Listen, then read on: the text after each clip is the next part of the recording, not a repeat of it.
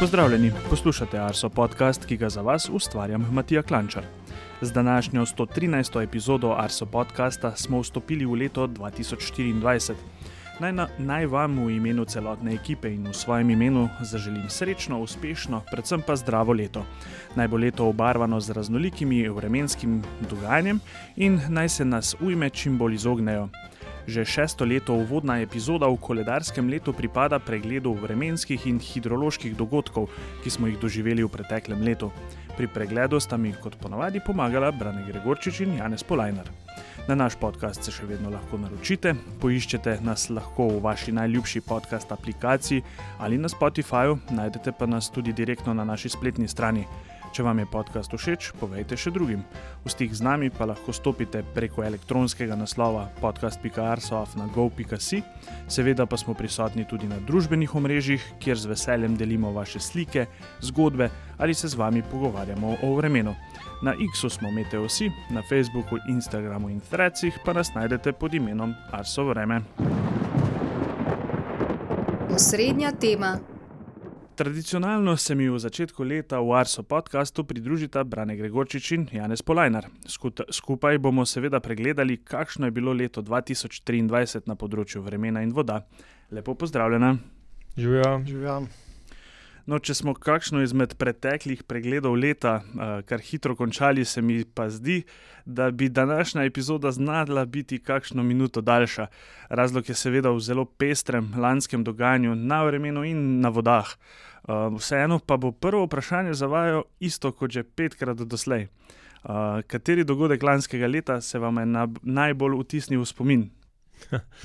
Mislim, da letos tukaj težko najdemo kakšno dilemo. Uh, tako da, seveda, avgustovske poplave. Ne. Janez?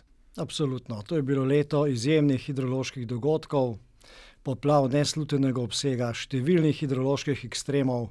Vode je bilo letos, oziroma lansko leto, enostavno preveč. Jaz mislim, da, da lahko še vseeno iz svojega vidika omenim tudi julijske in pa avgustovska neurja, ki jih je bilo tudi na vremenskem področju ogromno, in pa tudi začetek avgusta, ko smo pri Ilirski bistrici zaznali oziroma zabeležili in dobro dokumentirali tudi tornado. Tako da ja, res leto presežkov, takšnih in drugačnih. Pa kar začnimo na začetku lanskega leta, kakšen je bil januar 2023? Ja, že prehod v leto 2023 je bil po Sloveniji med najtoplejšimi v zgodovini meritev. Od 5 do 8 stopinj pretoplo vreme se je na to nadaljevalo vse do 10. januarja. Tip vremena pa se je potem povsem spremenil v drugi polovici meseca, že v noči na 16. januar je po nižinah v notranjosti Slovenije zapadlo od 10 do 20 cm snega, v višje ležečih naseljih pa od 20 do 60 cm. In ta sneg je marsikje tudi po nižinah potem obležal več kot dva tedna. Občasno je še snežilo, tudi tja proti koncu meseca. In v Sredogorju se je nabralo kar meter in pol snega, na Krederici skoraj tri metre. Predvsem zaradi tople prve polovice meseca pa je bil januar triindvajset šesti najtoplejši v zgodovini meritev, hkrati pa izjemno moker. Ja, torej po precej sušnem ali pa zelo sušnem letu dva tisoč dvaindvajset, ko smo v strugah rek beležili vodni primanjkljaj praktično celo leto in smo imeli izjemno sušo, smo letos januarja oziroma lani januarja na reki Muri po dobrem letu ponovno zabeležili velik pretok te reke. To se pravi, tako smo nekako začeli to vodnato leto dva tisoč triindvajset. Sicer pa je januarja po naših rekah se je pretakalo le okoli šestdeset odstotkov, torej se je pretakalo šestdeset odstotkov več vode kot običajno. Kot vsako leto v tem času pa je konec januarja poplavljalo tudi morje. Je bil februar kaj bolj suh? Ja, za razliko od januarja je februar prinesel dokaj suho vreme s precej sonca. Mesečna temperatura je bila nekoliko nad dolgoletnim povprečjem. Morda še najbolj izstopajoč pa je bil močan severni veter, ki je četrtega februarja povzročil v osrednji in vzhodni Sloveniji tudi gmotno škodo. Nekaj snega je proti koncu meseca zapadlo le na jugovzhodu Slovenije. Je bilo hidrološko stanje tudi malce manj mokro kot januarja? Ja, pravzaprav je v tem mesecu bolj izstopala nizka gladina morja z izrazitimi osekami, ob katerih je bilo tudi oteženo vplutje večjih ladij v Kopersko pristanišče. No, ob močni burji pa je bilo tudi povišeno valovanje morja. No, in takrat smo na mereografski postaji Vida, to je bilo 26. februarja, zabeležili tudi visoke valove, ki so segali prek 3 metrov. Skupna vodnatost rek pa je bila v februarju 15% manjša od povprečne. Kakšen pa je bil začetek lanskoletne pomladi? Ja, mesec marec je bil temperaturno nekoliko nadpovprečen, z dokaj povprečno količino padavin. Je pa to vrljivo, saj je bilo na vzhodu precej več padavin kot na zahodu, kar seveda ni običajno. Snega pa po nižinah ni bilo. Torej, marca nas je skrbela pravzaprav skromna snežna odeja v, v Visokogorju, tudi na območju avstrijskih Alp in v porečju Drave in Mure. Začeli smo se nekako pripravljati tudi na možnost, da bo to leto tudi sušno, kot je bilo preteklo. Skupna vodnatost rek je bila v marcu že za 20 odstotkov manjša od poprečne. Morda pri aprilu izpostavimo to dejstvo, da je bil edini podpovprečni mesec, kaj ne brane. Ja, temperaturno je bil mesec april edini mesec v letu triindvajset s podpovprečno temperaturo. Ob tem je bil nadpovprečno moker, seveda s premalo sonca, kar je še posebej veljalo za severovzhod Slovenije. Imeli smo tudi mrzlo obdobje med četrtim in sedmim aprilom, ko je nastalo tudi nekaj škode zaradi nizkih jutranjih temperatur. Te so padle pod ničlo tudi ponekod na Primorskem. In prve visoke vode smo merili prav aprila, kajne? Ja, aprila smo začeli s prvimi visokimi vodami v tem letu. seveda pa so nam ti deževni dnevi prinesli ugodne hidrološke razmere za nadaljevanje pomladi in za začetek poletja. No, v tem času pa sta Pesnica in Dravinja, sta se že razlivali, v večjem delu države pa je bila vodnatost rek po dolgem času spet velika. Le reke v alpskem svetu so v februarju še ohranjale srednje pretoke. Skupna vodnatost rek v v aprilu pa je bila povsem povprečna. In sedaj nas čaka še zadnji pomladni mesec, maj. Kakšen je bil? Ja, maj je bil temperaturno povprečen, ampak predvsem na vzhodu Slovenije moker in z malo sonca.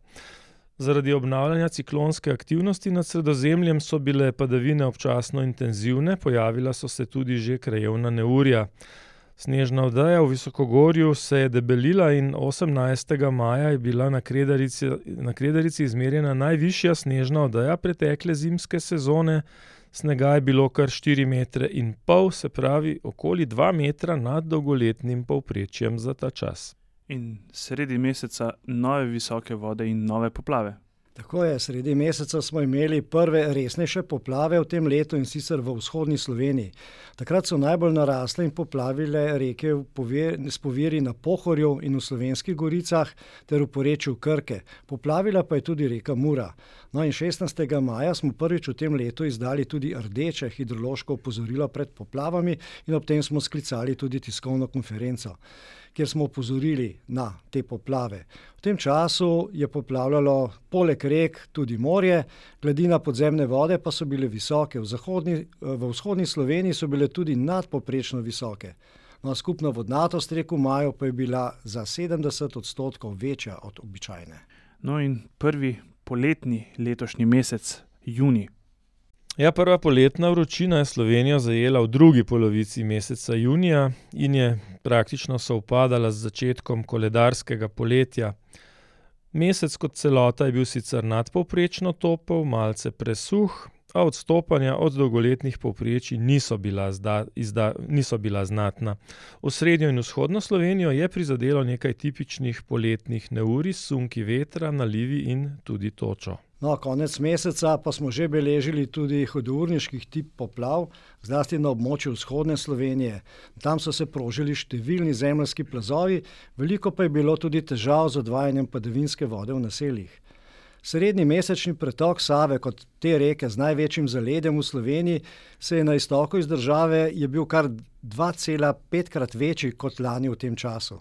Precej ugodnejše, pa so bile tudi razmere na obali, kjer je bil pritok Rečane občutno večji kot lansko leto in precej torej občutno višji kot povprečno, kar je bil dober obet za oskrbo s pitno vodo v nadaljevanju poletne sezone. Skupna vodnatost rek v juniju je bila kar za petdeset odstotkov večja od običajne, reke v vzhodni Sloveniji pa so bile tri- do štirikrat bolj vodnate kot običajno.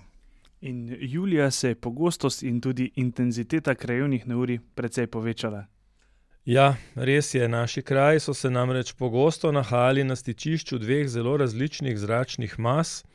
Južno od Alp se je zadrževal vroč in dokaj suh afriški zrak, na vreme v zahodni in srednji Evropi pa so pogosto vplivale atlantske vremenske motnje, ki so s seboj prinašale hladen in vlažen zrak. Tako so na južnem obrobju Alp nastajali močni nevihtni sistemi, ki so z zahodnim višinskim vetrom hitro potovali proti vzhodu in občasno večjemu delu Slovenije prinašali huda neurja z orkanskimi sunki vetra, nalivi in krajevno tudi točo. Prav zaradi pogostih neurij je bila mesečna količina padavin v juliju dvakrat večja od klimatskega povprečja. Vročina je bila najbolj izrazita med osmim in dvajsetim julijem, a kakšnih vročinskih rekordov nismo dosegli, bil pa je mesec julij vseeno nadpovprečno topel. Kaj pa na vodah? Ja, no, pa smo začeli, bi lahko rekel. Že v začetku meseca, so ob nevihtah narasli in poplavljali predvsem ti manjši hudourniški vodotoki, zlasti v vzhodni Sloveniji. In tako je bilo pravzaprav vsak teden. Že sredi meseca, trinajstega julija, se je zgodila prva večja hudourniška poplava, in to je bilo na reki Cerkniščici. Takrat je bila močno poškodovana tudi bolnica Franja, ponovno, seveda so bili zaliti objekti, precej objektov, zlasti v Cerknem in pa v okoliških vaseh. Hudourniška razlivanja rek smo imeli tudi v nadaljevanju meseca, pravzaprav vsak teden, struge so bile pa res polne vode. Ob koncu meseca smo imeli poplave rek v vzhodni Sloveniji. Vodnatost rek je bila velika v večjem delu države, največ vode pa je bilo ta čas na Gorenjskem, v severni in pa vzhodni Sloveniji. Na primer Sava in pa Savinja sta bili konec meseca izjemno vodnati, tako kot jeseni ob visokih vodah, kar se je v juliju do sedaj pravzaprav še ni zgodilo oziroma nekaj podobnega se je zgodilo leta tisoč devetsto osemindevetdeset. Torej splošna vodnatost rek je bila podobna, nadpovprečna kot v mokrem letu dva tisoč štirinajst. Julija je bilo zelo toplo tudi morje, konec meseca je imelo osemindvajset, devetindvajset stopinj in tako smo, lahko bi rekli, bogato založeni z vodo in toplim morjem pričakali avgust. In namesto da bi imeli mogoče malce bolj miren avgust, se je ta precej bolj postavil na glavo. Ja, že kar takoj v začetku meseca, se pravi prvega avgusta, smo bili priče pojavu tornada v okolici Ilirske Bistrice. No, ampak najburnejši vremenski razvoj pa se je potem zgodil v noči na četrti avgust. Vpliva rekordno visoke temperature Sredozemskega morja in jesenske dinamike zračnih tokov nad nami sta povzročila močan dotok zelo toplega in vlažnega zraka. Ob dviganju prek gorskih pregrad so se prožili izredno močni nalivi in povzročali katastrofalne hudourniške poplave marsikje na Gorenjskem, Koroškem in Savinjskem. Po tem dogodku se je vreme počasi vendarle umirilo in med trinajstim in sedemindvajsetim avgustom smo bili prvič v tem poletju deležni suhe vročine, brez neurij. Šele za slovo od poletja je zadnje dni avgusta nad severnim Sredozemljem nastalo ciklonsko območje in prineslo nestanovitno vreme s krajevnimi nalivi in osvežitvijo. Če potegnemo črto pod poletje, poletje triindvajset bi težko bilo bolj različno od poletja dvaindvajset. Če je leta dvaindvajset vladala izrazita suša in tudi vročina, pa je bilo poletje triindvajset najbolj namočeno v zgodovini meritev, a hkrati še vedno deveto najtoplejše. Ja, in v tej noči s tretjega na četrti avgust nam je narava pokazala svojo moč. V samo nekaj urah intenzivnih padavin je spremenila oblike dolin na Gorenjskem, na Savinjskem, Koroškem. Hudourniške poplave, ki so brez primerjave v znani zgodovini poplav pri nas. Lahko bi rekli, da sta se združila poletje in jesen. Združile so se vse dosedanje poplave v eno samo. Hidrološke razmere po katastrofalni povodnji so se začele umirjati šele po osmem avgustu in sledilo je obdobje najnujnejših intervencij po poplavah, solidarnost Slovencev in tudi Evrope je stopila v ospredje. Vendar nevarnost poplav ta mesec še ni minila, saj so osemindvajsetega avgusta ponovno poplavile številne reke na Gorenjskem in v severni ter v osrednji Sloveniji. No, skupna vodnatost rek v avgustu je bila štirikrat večja od običajne, zabeleženi pa so bili tudi številni rekordni pretoki rek. Torej ta povodenj je zares zaznamovala slovensko družbo v vseh njenih porah in še nekaj časa bomo živeli z njo. Kar pa se tiče, lahko rekli, da sta poletje dva tisoč dvaindvajset in dva tisoč triindvajset kot nekakšna primera poletij prihodnosti, torej izmenjava enega ali drugega hidrološkega ekstrema, suše in poplav. No, jaz vseeno upam, da tako takšnih izrazitih, vremenskih ekstremov in hidroloških ekstremov, sedaj nekaj let ne bomo, beležili. Res si želim tega.